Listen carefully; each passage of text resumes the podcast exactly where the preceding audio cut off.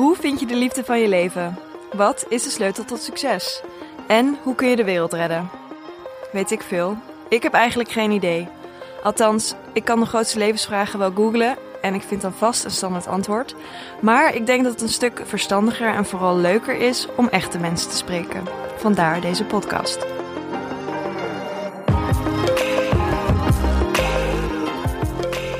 Mijn naam is Josephine. Ik ben de hoofdredacteur van Cosmopolitan en heet jullie graag welkom bij alweer de zevende aflevering van Cosmopolitan's Weet ik Veel podcast. Een podcast waarin we echte mensen spreken die wel veel weten over het onderwerp. En dat doe ik niet alleen. Naast mij zit co-host Esther van Adrichem, online manager bij Cosmo. En samen gaan we op zoek naar de antwoorden op al jouw weet ik veel vragen.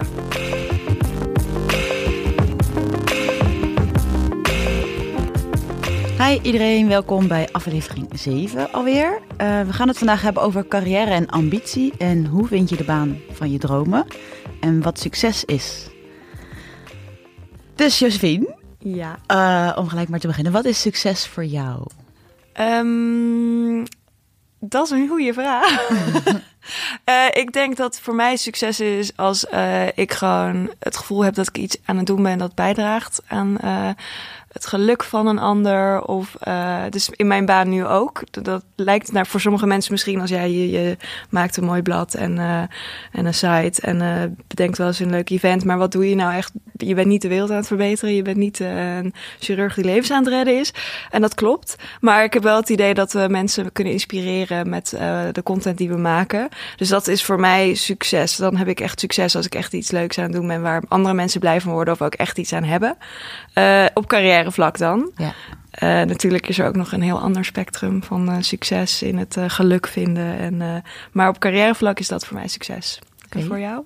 Ehm, kan me wel vinden in wat je zegt. En ik ben het ook wel eens met ehm, eh, dat je ziet dus dat je impact, positieve impact hebt eigenlijk op anderen.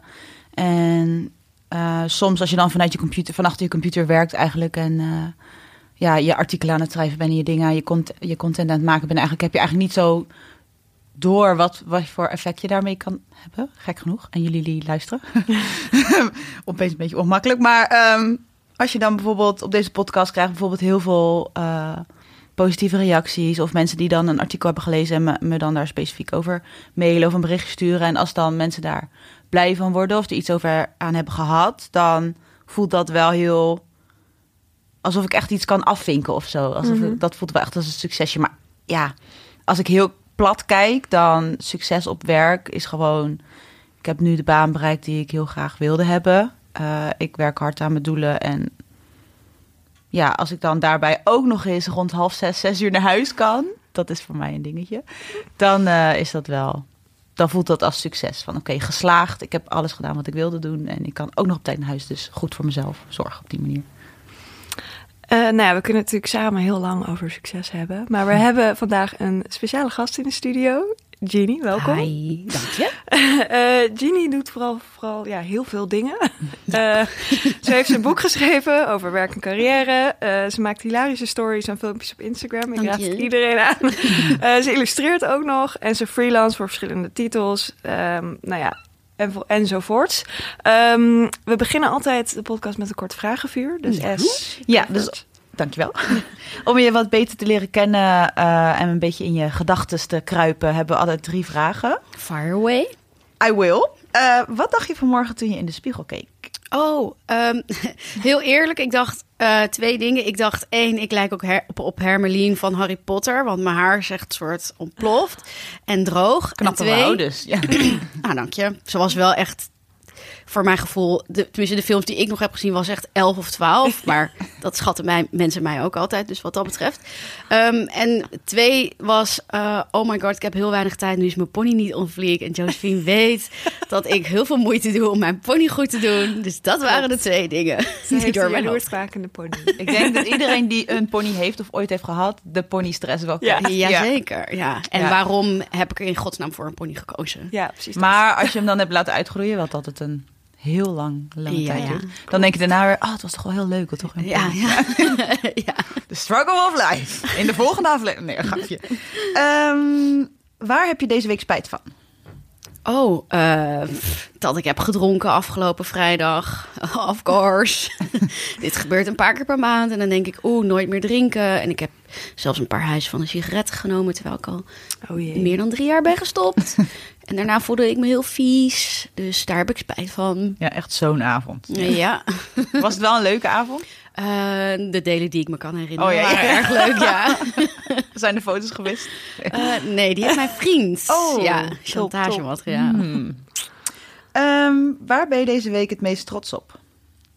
Nou, ik had toevallig gisteravond een Instagram-post gemaakt. Ehm, toen was Instagram down, dus toen heb ik hem weggehaald. Want eh, ik wil wel dat mensen hem kunnen lezen. Maar ik ben trots op het feit dat ik eh, dus bijvoorbeeld hier mag zitten. En dat ik vorige week een fotoshoot had met jullie van de Cosmo. Ehm, en eigenlijk het totaalplaatje dat ik in magazines mag staan, omdat ik gevraagd word om bijvoorbeeld mijn mening of mijn verhaal te vertellen over carrière. En niet omdat ik dat per se schaar aan succesvol zijn. Maar het feit dat ik een platform krijg om mijn boodschap eh, ehm, te kunnen brengen naar de mensen waarvan ik denk dat ze het nodig hebben. Ja. Ehm, en daar ben ik trots op dat ik dat heb bereikt. Ja. Want af en toe ehm, vergeten mensen, denk ik, even te kijken naar wat, wat er allemaal voor moois is gebeurd. En eh, dat doe ik ook wel eens. En nu heb ik weer zoiets van: oh, ik moet heel even stilstaan bij eh, ja, de dingen die, die mij toekomen, maar waar ik natuurlijk ook wel voor heb gewerkt. Ja, ja, en dat je dan gezien wordt dus eigenlijk ook. En dat mensen zien van, Ja. oh ja, ja, hier heb je eigenlijk verstand van. En Ja. vinden jou leuk en we willen met je werken. Ja, ja want ik, ik vind dat heel belangrijk, omdat er zijn twee manieren van gezien worden. En ik denk één manier van gezien worden en er niks mee doen. eh, ja, dat is fijn, maar daar heb ik niet zoveel aan. Ik wil wel gezien worden omdat ik iets wil vertellen. Ja, precies. Ehm, dus zodoende. Ja. Hmm. Nou, dat is wel iets moois om trots op te zijn. Ja.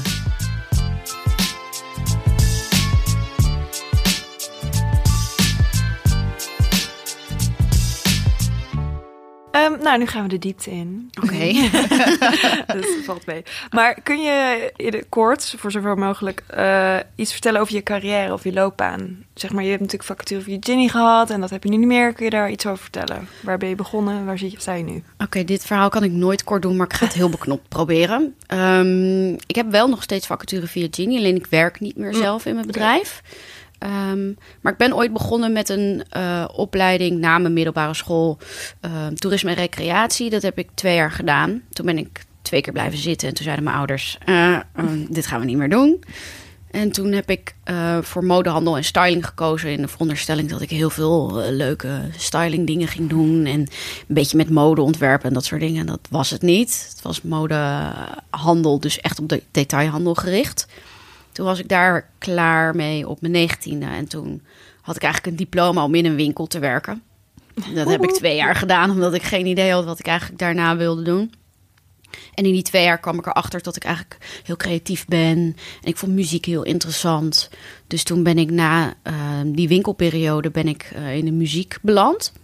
En daar heb ik een jaar of zeven, acht in gewerkt. Eh, ik heb bij een artiestenmanagement gewerkt. Oh, dat niet. Heel cool. Ja. Eh, was heel leuk. Eh, DJ agency. Ik heb eh, nog bij een bedrijf voor DJ's die PR nodig hadden gewerkt. Ehm, veel verschillende dingetjes, maar wel allemaal met muziek. Dus ik was toen niet zo'n slashy als dat ik nu ben. En daarna kwam vacature eh, op mijn pad. Ehm, dus dat is eigenlijk de beknopte versie van mijn carrière. Maar hoe kwam dat op je pad? Vacature via Genie? Ja.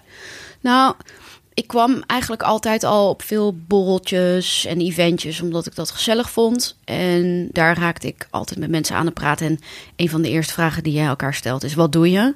En dat bleef bij mij altijd hangen. Dus als ik mensen de volgende keer zag, dan wilde ik altijd weten van... hé, hey, eh, hoe gaat het nu met dan dat en Oh ja. dat? Dus dat was eigenlijk een beetje mijn gespreksonderwerp vaak. En daardoor wist ik op een gegeven moment heel goed uit mijn hoofd wie wat deed. Ehm, en dan waren er wel eens mm, bedrijven in mijn eh, netwerk die zeiden: hey, je hebt volgens mij wel een groot netwerk. Heb jij enig idee eh, of er iemand is die deze functie bij ons kan vervullen? Want we zijn op zoek. En dan koppelde ik mensen aan elkaar omdat ik dacht: oh, dat, die connecties kan ik leggen. Dus ik weet wel iemand. En dat Ja. deed ik jarenlang. En eh, ja, dat is recruitment. Ja. Maar daar was ik niet mee bezig dat dat het was. Dus Het is ik een soort van per ongeluk ontstaan. ja. Ja. En eh, op een gegeven moment waren er zoveel mensen die tegen mij zeiden: Hey Jin, ik ben inmiddels op zoek naar een nieuwe baan of uh, zo en zo'n functie. En weet jij niet iets voor me? En dat wist ik dan vaak wel, maar kon ook aan de andere kant niet meer onthouden wie wat zocht. Dus toen Nee. dacht ik, ik merge deze vraag en het aanbod op een Facebookpagina. Ja. En de vacatures komen via mij. Dus dan noem ik het vacature Ja, via ja. Ginny. Ja. Ja. nou ja, ja, het is wat het is. Ja, Ja. er is geen businessplan of... eh, eh, ja, er, is, er is niks aan vooraf gegaan, behalve dan dat ik het gewoon heb gedaan op een dag. ja, en meer eigenlijk een soort ontstaan uit iets wat je eigenlijk heel goed kan, blijkbaar. Ja, En waar, je, waar mensen dus ook voorzien van, oh ja, Ginny die weet dit blijkbaar heel erg. En dan uit eh, Ja. die basis ben je eigenlijk verder gaan groeien. ja, ja. Oh, wel bijzonder. Ja, dat heeft me heel veel gekke dingen gebracht de afgelopen jaren... die ik nooit had verwacht. Nee. Ehm, en, Zoals je boek. Ja, zoals mijn boek inderdaad. Ja, Ja. zeker. Want, kan je wat over je boek vertellen? Oké, ik had deze vraag niet zien aankomen. Ehm, ik heb eh, afgelopen oktober 2018 heb ik een boek uitgebracht samen met uitgever AB Bruna. Eh, dat boek heet Genie werkt, de job guide voor jouw droombaan. En daarin vertel ik mensen in een eh, aantal stappen hoe ze werk kunnen vinden waar ze happy van worden, waar ze, waar ze voldoening uithalen en ehm, waar ze met plezier naartoe gaan. Um, maar ik probeer daarin wel nuchter te zijn en te zeggen: oké, aan een droombaan zitten ook minder leuke kanten. En het is ook niet zo dat je het hele jaar door met ultra veel energie en motivatie naar je werk gaat. Dat je er zitten dagen bij dat het gewoon dat je geen zin hebt. Ja. Um, maar ik probeer wel uit te leggen dat het belangrijk is dat mensen, als ze willen, kijken naar wat ze echt willen en waar ze goed in zijn. Om die connectie te maken en dat weer te verpakken in iets wat ze gewoon voor werk kunnen doen. ja. Dus dat het wat minder heftig voelt als, oh, ik moet elke dag werken, want het is voor een Ja. bepaald iets. Maar dat het gewoon eigenlijk leuker maakt om te werken. Alleen dat je ze wel bewust maakt van, maar droombaan klinkt wel heel dromerig misschien. Ja, zeker. En ook dat er meer is dan bijvoorbeeld wat je ouders voor jou willen. Ja, ja, ja. Of de studie die je toevallig hebt gedaan, Ja. maar die achteraf niet blijkt aan te sluiten op de persoon die je bent. Nee. Ja, dat is natuurlijk wat je zelf uit eigen ervaring hebt Ja. meegemaakt. Ja. Ja. ja, met toerisme is het natuurlijk niet per se wat je nu Nee. gebruikt. nee. nee. Nee. En nee, je doet dus veel dingen nu. Wat, hoe zou je jezelf Ja. noemen? Creative. Creative. Ja, dat is denk ik een overkoepelende woord voor heel veel mensen die dus verschillende dingen doen. Ja. Um, maar ik weet wel dat dat af en toe een klein beetje vaag is. Ja. Nou, af en toe eigenlijk heel vaak Ja. heel vaag voor heel veel mensen. Ja, voor mij ook hoor. Ja. ik denk Ja. dat, ja, als ik heel eerlijk ben, ik denk dat, ja, wat is dan een creative? Ja. Want iedereen is, kan wel creative zijn, maar wat is het? Maar goed, ik snap ook dat je niet echt een woord hebt voor al de dingen die jij doet. Nee, ik, ik, ik kan niet zeggen ik ben account manager. Want ehm, eh, er zijn gewoon te veel verschillende dingen die ik doe. En ik weet wel dat je niet te veel dingen moet doen.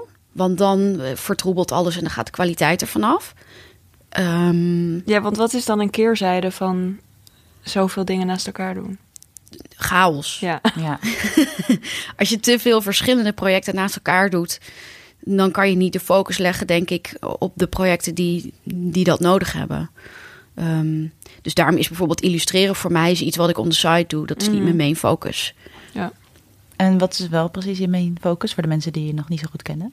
Ehm, momenteel is dat eh, eh, consulting-redacteur. Ehm, wat inhoudt dat ik ehm, voor een uitgeverij nieuwe eh, auteurs werf. eh, of bestaande auteurs om een boek te maken. En dan begeleid ik dat creatieve proces. Omdat ik tijdens mijn eigen boekschrijfproces heb gezien eigenlijk hoe het aan de uitgeverszijde gaat. Maar ook vanuit de auteur heb meegemaakt hoe zo'n proces in zijn werk gaat. En ik weet dat het heel fijn is als je iemand aan je zijde hebt als je schrijft, die weet waar je doorheen gaat. Want het schrijven van een boek is heel anders dan het schrijven van een blog bijvoorbeeld. Mhm. ja. Klopt, ja. wel interessant. Ja, vind ik ook. En vind je jezelf nu succesvol? Zou je jezelf succesvol noemen? Eh, ja, ik vind dat, maar niet om de reden, niet per se carrière technisch. Ik vind mezelf succesvol omdat ik fijne mensen om me heen heb. Dus familie en vrienden die voor me klaarstaan en die ik kan bellen als het nodig is. Ik heb een huis boven mijn hoofd en ik kan met mijn vriend lekker de deur uit om eh, ergens een lekker soepje te eten bijvoorbeeld. Dat is voor mij succes. Maar ehm, ik vind mezelf niet per se succesvol vanwege het werk wat ik heb gedaan, bijvoorbeeld. Ja. Het is gewoon leuk geweest, maar eh, het, het, het draagt bij, denk ik, ook een beetje aan geluks. Wat jij net Mhm. ook een beetje noemde. Maar het is niet alles bepalend. Ik hang niet mijn identiteit aan de dingen die ik heb gepresteerd of niet heb gepresteerd, bijvoorbeeld. Ja, want succesvol wordt inderdaad wel vaak gelinkt aan je werk, je carrière. En of je een fantastische baan hebt. Of, Ja. of je allemaal geweldige dingen doet. Ja, Maar in principe is dat natuurlijk maar een heel klein component ja van je zeker. leven. Ja. ja, maar dat is iets wat ik wel moest leren hoor, Ja. Tenminste, eh, niet dat ik... Nou, dat is niet waar. Ik, ik, ik dacht dat iedereen hetzelfde, dezelfde kijk op succes had. Niet, niet per se dat ik succesvol dus een dure auto vind, maar dat mensen dus die kassawerk doen... ehm, net zo tevreden zijn met hun werk dan mensen die, weet ik veel, bij een duur advocatenkantoor werken. Mhm.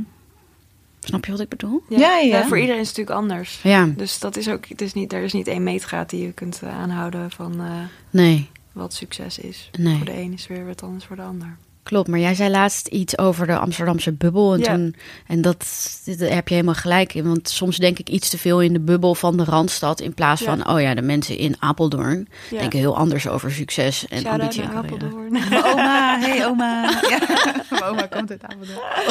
Hey, Nee, hele, ja. goede, hele goede stad hoor, Apeldoorn. Niks, niks verkeerd. Maar wat, wat, eh, wat bedoel je precies dan met die Amsterdamse... Of bedoelden jullie met die Amsterdamse bubbel en... eh, Moet ik... eh, of- Ja, ik kan, ik kan wel kort vertellen waardoor ik dat zei. ja, vertel. Dus het vertel. ging over een, een stuk dat eh, Ginny had geschreven en ik eh, was hem aan het eh, checken en nakijken. En toen had ik, zeg maar, er zaten voorbeelden in. Het ging ook over, het ging over ambitie. En er zaten voorbeelden in ehm, van iemand die bijvoorbeeld was gestopt met eh, zijn werk om te gaan studeren. Ik weet het niet meer precies wat het was, de specifieke voorbeeld. Maar het voelde heel erg aan van ja, dit kan als je bijvoorbeeld inderdaad een creatieve functie hebt. Ik zou nu met mijn kennis en ervaring kunnen gaan freelancen en prima kunnen rondkomen. Maar wat als je gewoon inderdaad achter de kassa staat in inderdaad een dorp, zoals Apeldoorn. Eh, zeg maar, je, wij denken soms een beetje te vanuit een, een nou ja, jij komt natuurlijk uit Rotterdam, maar een soort randstadbubbel, Ja, laat ik ja, het zo noemen. Van, niet iedereen werkt in deze creatieve sector. Er zijn Nee, mensen nee. die gewoon Excel-sheets de hele dag invullen en dat is ook fijn. Maar dat je soms jezelf even uit die bubbel moet slepen van wat, wat gebeurt er eigenlijk buiten mijn referentiekader. Er zijn ook natuurlijk heel veel banen waarbij je niet zomaar kan zeggen van... oh, ik ga even lekker freelancen of voor Nee, mezelf beginnen. precies. Of, Of, of Ja. bijvoorbeeld, ehm, maar, ik weet niet of dat in jouw artikel stond, dat ik dat weer ergens. Volgens mij in, het nieuw, in de nieuwe Cosmo, die binnenkort naar de drukker gaat. Een artikel over eh, efficiënt werken en eh, rust voor jezelf nemen, minder werken, meer leven. Wat allemaal heel mooi is, maar er stond dan een tip van neem elke kwartier of zo een, een pauze en ga een rondje lopen. Maar ja, als je achter de kast staat, kun je niet elk kwartier zeggen: oké, Nee, stel je bent Ga leraar. even koffie halen, precies. Dus dat is, en dat is natuurlijk weer vanuit zo'n bubbel bedacht. Dus dat we daar ja, gewoon scherper moeten blijven. Dat dat natuurlijk niet voor iedereen zo werkt. Nee. Terwijl ik, ik, ik weet wel dat er, ik weet wel dat er heel veel verschillende banen zijn. En, en, en dat er toch wel heel veel verschillende soorten tevredenheid is wat betreft werk. Maar toch, de, de, de, kijk op ambitie kon ik dan even niet buiten die bubbel plaatsen. Dat is Ja. dan, dus vond ik wel heel interessant dat je dat mij voor hebt gehouden. Omdat dat mij weer even in check zet. Dat, dat mijn views daarin eh, ehm, eigenlijk bij, ja, aangescherpt en bijgesteld moeten worden. Ja. Want wat is je kijk op ambitie precies? Oh, heb je even. Er was één. Ehm jeetje, ja. eh, Ik, ik, ambitie vind ik iets wat goed en slecht kan zijn. Ehm, maar het is denk ik niet nodig om gelukkig te zijn. Ik denk dat ik het daarmee wel Ja. goed samenvat. Want er- zijn mensen die iedere dag hetzelfde kunnen doen en geen ambitie hebben om verder te komen. En die ondertussen de ambitie hebben om iedere dag hun vrienden om vijf uur te zien. Omdat ze om één voor vijf de deur achter zich dicht hebben getrokken op Ja. hun kantoor of eh, op werk.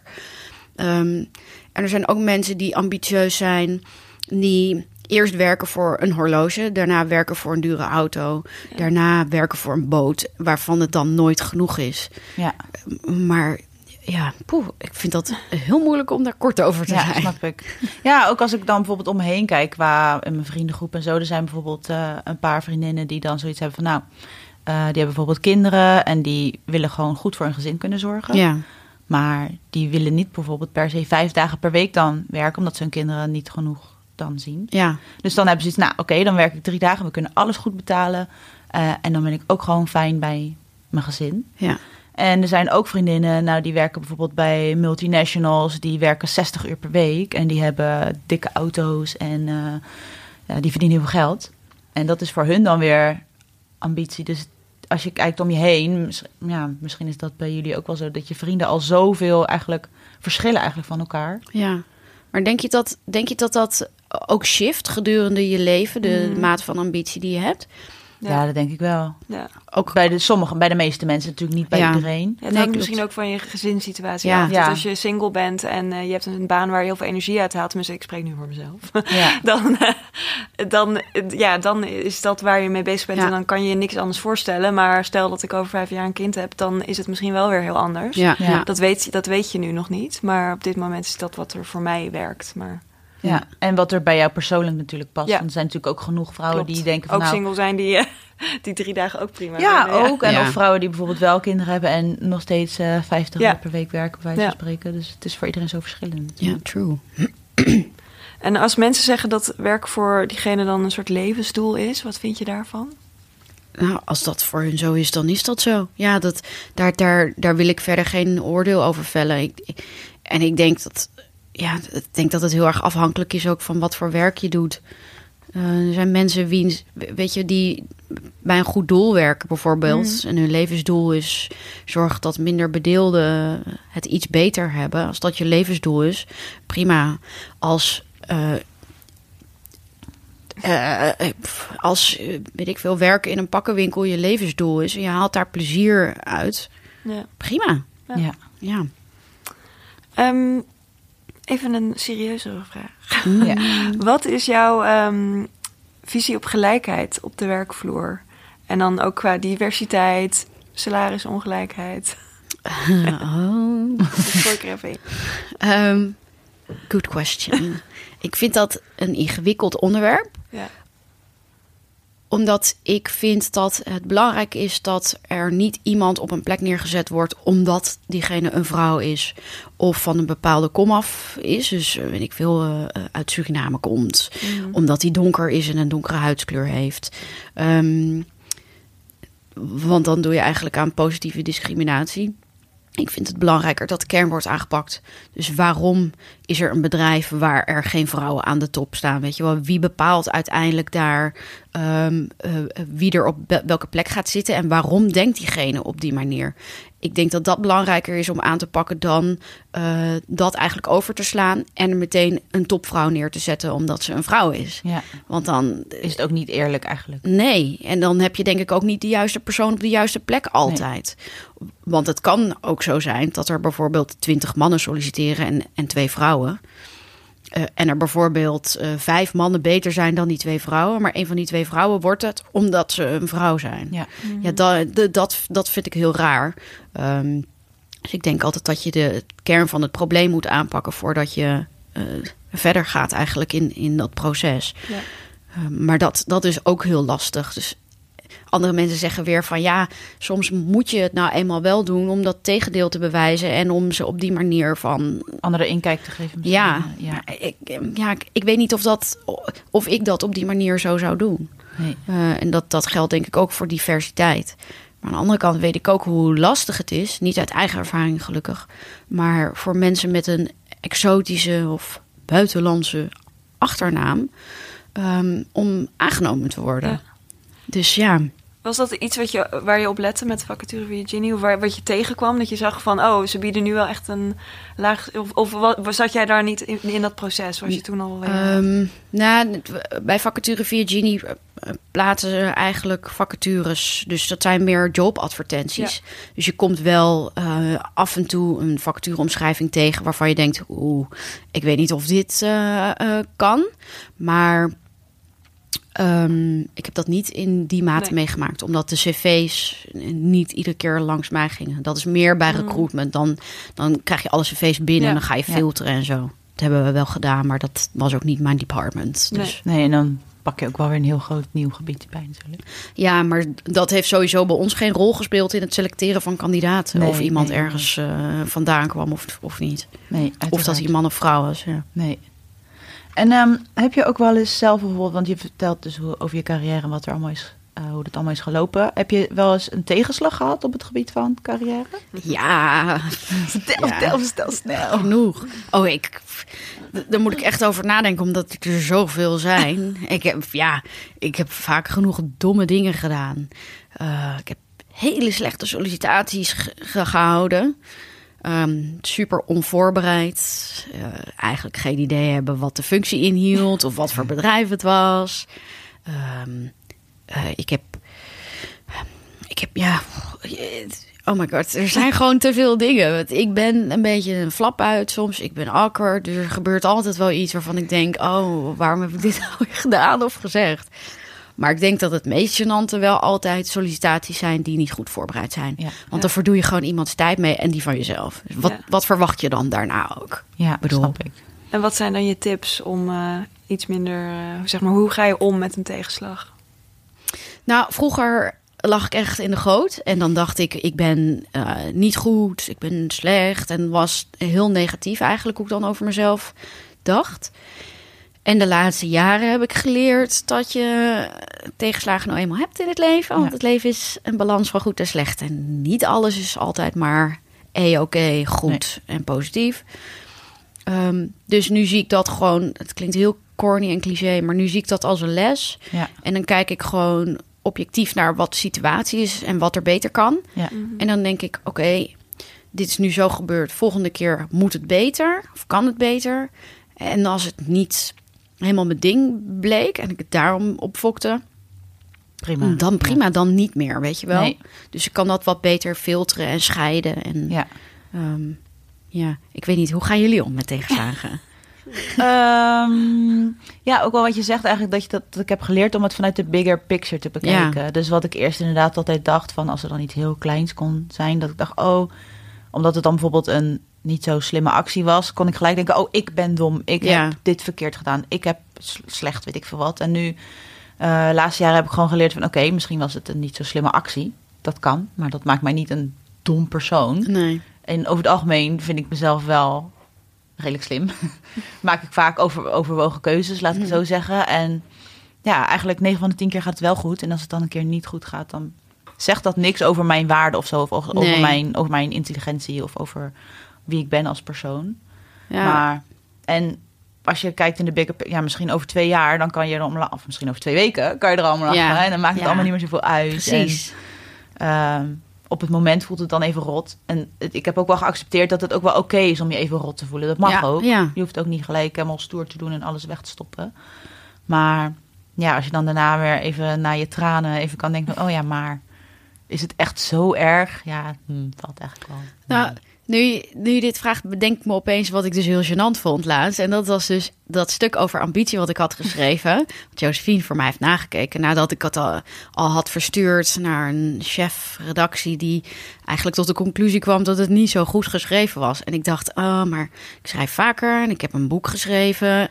En nu heb ik dus iets afgeleverd wat gewoon niet goed was. En dat vond ik eigenlijk wel heel gênant. Alleen, om, het is makkelijk om het dan op jezelf persoonlijk te betrekken. Ja. In plaats van te denken, oké, weet je, wat jij zegt, de bigger picture even zien. En denk, oké, volgende keer moet het beter. Ja. Dus ja, Ja. dat... dat Nou ja, bij mij werkt het altijd heel erg. Ik ben een gevoelig persoon. Same. Om daar je emotie en je gevoel los te koppelen van je werk, zeg maar. Ja, ja. Want Dan, soms kun je dingen veel te persoonlijk nemen. Ja. Dat, je het, dat je echt Ja. denkt van, oh, I'm such a loser. Of je dat verdriet helemaal voelen. Terwijl, wat zij, het, is, het is een baan, weet je, uiteindelijk. Het is niet wie jij bent. Dus heel erg proberen, even pauze, even loskoppelen en dan weer verder. Ja, en klopt dit gevoel eigenlijk ook Ja. met wat er eigenlijk aan de hand is? Ja, ik bedoel, ja, Ja. we zijn inderdaad geen levens aan het redden bij Cosmo. Nee, nee, precies. Nee, maar je bent ze wel aan het, je, aan het beïnvloeden op een positieve Ja. manier. Dus dat, Ja. Ja. nou, dat, is, dat vind ik ook heel waardevol. Nou, hoor. dank je. Ehm, en hoe kom je er nou achter wat je echt leuk vindt? Voor mensen die heel erg zoekende zijn, wat zou jouw advies zijn? Ehm, nou, sowieso kan je dan mijn boek lezen. Ehm, maar eh, nou ja, wat er in mijn boek ook staat, zi- zijn eh, drie dingen. Wie ben je? Wie ben je nou eigenlijk? Mhm. Ben jij iemand die andere mensen willen dat jij bent? Of ben jij iemand die, die jij echt, weet je, waar jij zelf helemaal achter staat als je heel diep erover na gaat denken? En wat wil jij? In plaats van wat is er op je pad gekomen per ongeluk? Waar ben je ingerold? Wat, mm, wat was je studie? Wat willen je ouders? Wat zien de mensen waarmee je omgaan, eh, omgaat jou doen? Dus wat wil jij? En hoe kom je er uiteindelijk? Want je kan de eerste twee dingen weten, maar als je niet weet hoe je daar verder mee aan de slag moet, dan wordt het nog steeds heel, heel lastig. Ja. Ehm, dus dat zijn drie stappen waar je denk ik over na moet denken. Maar het is vaak wat lastig omdat mensen dan zichzelf een spiegel voor moeten houden en de confrontatie met zichzelf moeten aangaan. Ja, het is En best dat- heftig. Ja, je kan Ja. uiteindelijk, wie ben jij? Weet ja. je wel? Dat is, daar ga je diep meteen. Ik denk dat bijna iedereen zegt, als je die vraag stelt, eh, als, je, nou, als je zou zeggen, weet jij wie je bent? Dat iedereen zegt, ja, tuurlijk weet ik wie ik ben. Ja? Maar, ja, maar omdat het denk ik heel... ehm, nou, ik denk dat heel veel mensen niet durven te zeggen dat ze eigenlijk niet weten wie ze zijn. En dat gaat om je identiteit. Terwijl, Ja. eh, Ja, je wordt natuurlijk door zoveel dingen eigenlijk van buitenaf ook gevormd. Gevormd. precies. De dingen die iedereen eigenlijk om je heen dan normaal vindt. Maar Ja. bijvoorbeeld twee straten verderop, als je bij een heel ander gezin was geboren, bij zo'n spreken, was weer een hele andere normaal Ja. misschien Ja. geweest. Ik vind het, het voorbeeld van je ouders ehm, niet zozeer op carrièregebied, maar ehm, ik denk heel vaak nog de manier waarop mijn moeder over bepaalde dingen dacht. Eh, maar dat is hoe zij daarover dacht. En dat is niet per se hoe ik daar dan over Ja. denk. Ja. En dat is dan best wel lastig om los te koppelen. Maar dat geeft mij wel weer het gevoel dat ik meer bezig ben wat wie ik ben. Mhm. En wat ik leuk vind en niet leuk vind. In Ja. plaats van te proberen, eh, proberen te voldoen aan Ja. aan haar eh, standaard Ja. en hoe zij in het leven stond, bijvoorbeeld. ja, dat is wel lastig. Want je wordt natuurlijk gewoon opgevoed dan door je ouders. Ja. En die hebben een bepaald beeld. Ik bedoel, mijn vader had ook zoiets van... ja, je moet economie of rechten of Ja. zoiets, een serieuze studie doen. En toen koos ik kunstgeschiedenis. Was het, oh, oké. Is ook goed. Ik bedoel, heeft het altijd geaccepteerd. Dat was nooit een probleem. Maar ja, het is wel voor sommige... Ik heb dat gewoon gedaan. Maar sommige mensen, die gaan dan toch voor die rechtenstudie. Omdat Ja. papa of mama dat wil bijvoorbeeld. En dat is wel... Ja, je moet eigenlijk echt inderdaad naar jezelf luisteren. Ja, Ja. Wat wil ik? Ja, of omdat mensen een bepaald beeld of zo van jou hebben. Of een bepaalde, jou een bepaalde rol hebben gegeven. Of jij die rol ook aanneemt. ja, En ehm, ik kom bijvoorbeeld uit een gezin met vier, eh, vier broertjes en zusjes. En Gezellig. ik ben de oudste. Ja, zeker, zeker, zeker. En zij hebben, omdat ik de oudste ben en gescheiden ouders, nou, bla bla. Heb je heel snel de rol van, oké, oudste kind. eh, De jongste kinderen kijken tegen je op. Je moet Ja. het altijd voor ze opnemen. Je moet altijd dingen voor ze regelen. Altijd dingen doen, doen, doen. En eh, toen ik nog thuis woonde, deed ik dat heel veel. En was ik echt helemaal in de weer. En was ik zelfs dat ik dacht, oh, maar als ik nu uit huis ga, dan gaat het helemaal mis. En ik Ja. ben bang dat het niet goed gaat. En eh, ze hebben me nodig. En De boel dat- stort in. precies. En het gevoel dat je nodig bent, is natuurlijk ook wel weer fijn. ja, En toen, toen ik op, op mezelf ging wonen, heb ik echt wel heel erg gekeken naar, maar, oh, maar dit is mijn rol daar eigenlijk. Maar wil ik die rol eigenlijk? Ja, precies. ik wil er zijn voor Ja. mensen om je heen. En dit kan op allerlei vlakken natuurlijk zijn. Het kan ook op carrièregebied zijn dat mensen hebben bedacht van, oh, maar jij bent heel goed in taal, dus jij moet een schrijver worden, Ja. weet ik veel wat. Uh, maar ik denk dat het wel goed is om dan te kijken van, oké, maar wat voor rol heb ik in bepaalde plekken? En wil ik die rol ook wel hebben? Ja. En dat je op die manier ook wel erachter komt van, oh, maar eigenlijk wil ik bijvoorbeeld bepaalde dingen loslaten en zo dichter bij jezelf komen of zo. ja, maar dat is, het, het- het is super mooi dat jij daar zo over na hebt kunnen denken. Maar ik denk dat heel veel mensen dat dus, dat het überhaupt erover nadenken al heel lastig vinden. Ja. Als jij ergens kan doorstromen tot manager en jij wil dat eigenlijk niet, maar weet je, je krijgt heel veel eh, complimenten en, en, en eh, eh, nou, weet ik veel wat voor redenen allemaal zijn om dat te doen, maar je het niet. Dan zijn er volgens mij ook weinig mensen die durven te zeggen van ja, ik wil, ik wil die promotie niet, want ik ben eigenlijk Ja. wel oké waar ik ben. Ja. Terwijl andere mensen diegene misschien wel daar eh, ehm, eh, op die positie zien werken. Ja. Maar ja, als je daar dan eenmaal zit, kan ook nog eens een keer blijken dat in de praktijk dat dus helemaal niet goed uitpakt. Nee. Omdat je er dus eigenlijk niet gelukkig van wordt. Ja, Omdat en om, het niet bij je past. ja, en omdat je niet naar jezelf hebt geluisterd, Ja. maar naar wat anderen eigenlijk van jou verwachten. Ja, Maar dat is ook die associatie met het woord ambitie wordt gezien als iets heel positiefs. Ja. Van, oh, die is ambitieus en die wil manager worden bijvoorbeeld. Ja. En als je dat dus niet hebt, als je denkt eigenlijk vind ik mijn baan nu prima en eh, ik hoef niet die promotie. Ja. nee. Dan heb- hebben mensen daar toch een bepaald oordeel over of Ja. gevoel bij van, oh, die is niet, weet je, die is niet ambitieus. Dus ja. Of minder dat is succesvol negatief. toch ook. Ja. Dat daar wordt, naar wordt dat wordt toch aan elkaar gelinkt. Ja, terwijl ik die tevredenheid van het is ook wel prima, Ja, dat dus tegenwoordig veel meer schaar als eh, veel meer, hoe zeg je dat? Ehm, dat dat meer de definitie voor geluk Ja. is voor mij ja, ja, ja. dan altijd meer willen. Ja. Want dan ben je nooit tevreden. nee. klopt. Inderdaad, gewoon Ja. die tevredenheid en gewoon gelukkig kunnen zijn met wat je hebt eigenlijk. Ja, Dat is wel misschien ultiem succesvol zijn. ja, En nou ja, we zien natuurlijk veel om ons heen de burn-outs. ja. En iedereen is druk en heeft stress. Wat vind je daarvan? Nou, ik ken echt bijna geen vrienden om me heen die geen burn-out hebben gehad. Oh, dat, ja. dat is al best wel heftig eigenlijk. Want ik zeg heel vaak tegen mensen: vroeger eh, zat je op de middelbare school, en dan was er altijd wel een leraar overspannen. Ja, en dat was toen het woord overspannen. Ja, precies. Gedurende je middelbare schoolperiode. Maar dat was het wel zo'n beetje. Het was niet dat iedereen met bosjes uitviel en, Nee. en ouders en weet ik veel wat. Maar tegenwoordig is dat wel zo. Maar ik denk dat dat met heel veel dingen te maken heeft. Maar ook dat er heel veel druk op ons... En dan heb ik het over de millennial. er ligt heel veel druk op ons. En we willen heel veel. En we kijken de hele tijd bij anderen wat ze Ja. hebben. En dat willen we dan ook. Dus we zijn En alles moet goed en perfect. Precies, alles moet goed en perfect. Ja, en dat kan niet. En ehm, dat in combinatie met niet goed naar jezelf luisteren, dus niet weten waar je grenzen liggen, Ja. dat zorgt ervoor dat het op een gegeven moment eh, ontploft. Mhm. Dus ik vind het heel jammer, maar daarom is het heel belangrijk dat mensen op een goede manier ehm, leren omgaan met grenzen bewaken en kijken wat er binnen de mogelijkheden ligt. Ja. En speelt social media daar niet ook gewoon een belangrijke rol in? Dat we daardoor de hele tijd kunnen zien wat anderen aan het doen zijn. En Ja. het gevoel hebben dat Ja. anderen een veel leuker leven hebben. Dat Zeker. was natuurlijk vroeger niet. Die, zo, Nee. die Instagram eh jaloezie, zeg maar. Nee. Ja.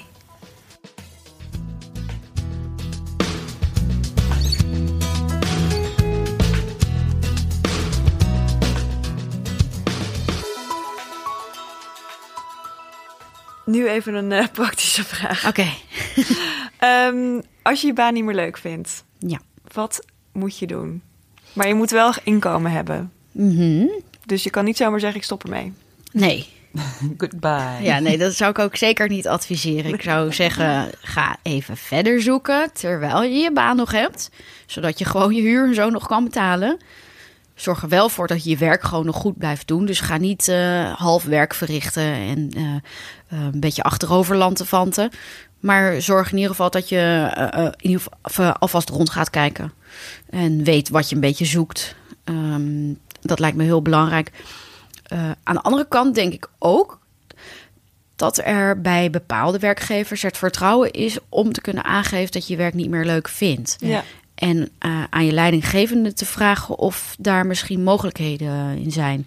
Dus dat je bijvoorbeeld kan doorgroeien naar een andere functie, of dat je een interne opleiding ja. kan volgen of iets dergelijks. Er zijn vaak wel mogelijkheden. Want mensen willen echt niet zo graag van je af als dat je misschien denkt dan. Nee. Je Dus hoeft niet weg. durven aangeven. Ik denk dat heel veel mensen dat ook niet doen. Ja, Dat ze zelf nee, dat eerst een gesprek aangaan Ja. inderdaad met je leiding. Ja. Maar ik denk daarin, net als met de burn-out, dat er heel veel verschil is met werkgevers vroeger. Dus de Mhm. werkgevers die onze ouders hadden en de werkgevers die je tegenwoordig hebt. Ze zijn nog niet allemaal op hetzelfde level, maar er wordt veel meer gekeken naar individuele behoeften van mensen. Ja. En er zijn meer werkgevers die begrijpen dat niet alle mensen op, dus op hetzelfde niveau, op hetzelfde tijdstip functioneren. Ja. En als je daar naar kijkt, dan, en als er werkgevers zijn die daar naar kijken, dan zijn er werkgevers die ook openstaan voor het feit dat je je werk niet meer leuk vindt Ja. Om te kijken wat de andere mogelijkheden zijn binnen het bedrijf. Ja. Oh ja. Dus je zou eigenlijk eerst misschien wel in het bedrijf rondkijken van is er misschien daar een mogelijkheid? Ja, Mocht je het bedrijf zelf wel leuk vinden. precies. En als er meerdere functies in dat bedrijf ehm, eh, zijn. Ja. Want ja, kijk, bijvoorbeeld bij Cosmo op de redactie zijn er heel veel verschillende functies. Mhm. Dus dan zou je misschien kunnen zeggen van nou, ik vind dit niet leuk, maar ik wil wel bijvoorbeeld styling gaan doen. Ik noem maar wat. Ehm, maar ja, weet je, voor hetzelfde geld is dat helemaal niet mogelijk. Dan moet je gewoon lekker verder gaan kijken. Ja. Ja. Maar dan heb je wel al antwoord op de eerste vraag. Ja, ja, En dan kan je weer verder kijken. Ja. En ehm, als ik bijvoorbeeld kijk om me heen, zijn er ook vriendinnen die bijvoorbeeld echt heel lang al solliciteren naast hun baan. Of op een gegeven moment zelfs hun baan hebben opgezegd. En eh, dat er gewoon heel veel eh, mensen zijn die solliciteren en weinig banen, lijkt het. Mhm. Ehm, hoe zou jij bijvoorbeeld er zelf voor zorgen dat jouw sollicitatiebrief er wel uitgepikt wordt? Of heb je daar bepaalde tips voor? Nou, ik heb een tijdje terug heb ik weer eens een sollicitatiebrief geschreven. Omdat het voor mij echt jaren geleden was. Want ik had een eigen bedrijf, dus het hoefde niet. Ehm, maar ik zag een functie waarvan ik dacht... oh, dit vind ik echt heel leuk. En volgens mij pas ik heel goed bij wat ze zoeken. En toen heb ik een sollicitatiebrief geschreven... waar ik even veer in mijn eigen reet... maar waarvan ik later van de directrice hoorde... dat het de beste sollicitatiebrief was die ze ooit had gezien. Zo. Oh, doe hell, doe hell. Ja. Ehm, nou ja, ik, ik- mensen zijn gewend om heel veel over zichzelf te vertellen en eigenlijk eh, eh, uitgebreid te vertellen wat er op hun cv staat. Ja. Oh Ehm, ja. Maar goed, dat zie ik vaak al op een cv. Dus eh, als ik het even omdraai, dan hoef ik dat niet nog eens een keer uitgesmeerd terug te lezen in de brief. Dat vraag ik iemand wel tijdens een gesprek. Ja. Maar ik wil weten waarom diegene past bij de functie die ik uit heb gezet. Dus wat ga je voor me betekenen en wat voor resultaat gaat dat hebben? Ja. En ik wil wel weten waarom je bij de functie past, maar kom dan wel met inhoudelijke argumenten in plaats van ik ben flexibel. Ja, ik heb gestu- dit en dit gestudeerd. Het Ja. lijkt me leuk. Ja, het lijkt me leuk en ik ben ik heb geen 9 to 5 eh, Ja. mentaliteit. Nee, oké. Weet je, we leven in 2019. De meeste mensen hebben dat inmiddels niet meer. Nee. En anders weten ze wel dat ze dat moeten zeggen omdat dat goed klinkt. Ja. Ehm, maar ze zochten bijvoorbeeld iemand eh, die een interessant netwerk had. Nou, dat heb ik. En dan leg ik dan uit waarom ik dat netwerk heb. Ja. En als, dat netwerk, als ik dat netwerk bij hun eh, eh, neerleg, wat daar dan uit kan komen. Ja, dat is interessant om te Ja. weten. Ja. Dus Dan- eigenlijk... Oh, sorry, ja. Nee, nee, nee, nee. Je moet iemand nieuwsgierig maken. Ja, precies. En eigenlijk ehm, gewoon verder denken dan de standaard sollicitatiebrief misschien die je op internet tegenkomt. Maar gewoon echt een beetje in een bedrijf duiken voordat je Ja. een brief gaat schrijven. En goed bij jezelf denken van oké, maar waarom zou ik hier dan willen werken en wat kan ik hiervoor Ja. betekenen? Je moet weten wat ze nodig hebben en wat jij daaraan kan bijdragen. Ja. Ehm, en de- ik heb daar ook voorbeelden van gegeven. En dat is ook altijd iets wat ik aanmoedig. Geef concrete voorbeelden Ja. wat er gebeurt. En geef alvast wat input, bijvoorbeeld.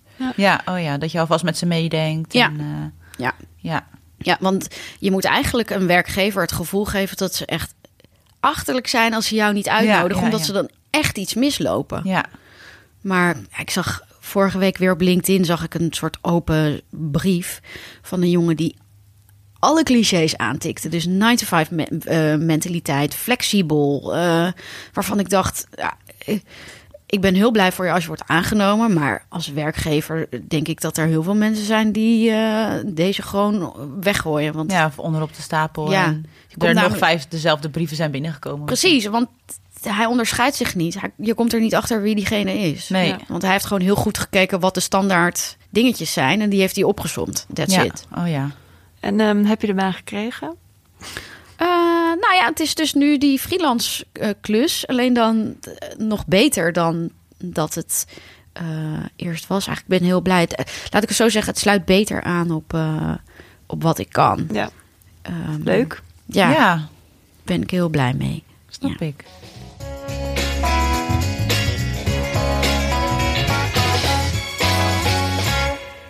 Ik denk dat we kunnen overgaan op de Instagram-vragen. Zeker, zeker, zeker. Die waren wel ietsjes anders. Oh, Oh ja, ik weet niet. Althans, anders. Ehm, vrij specifiek eigenlijk. ik ben nu heel benieuwd. Ja, ik ook. Even kijken. Waar is dat leuke bloesje van?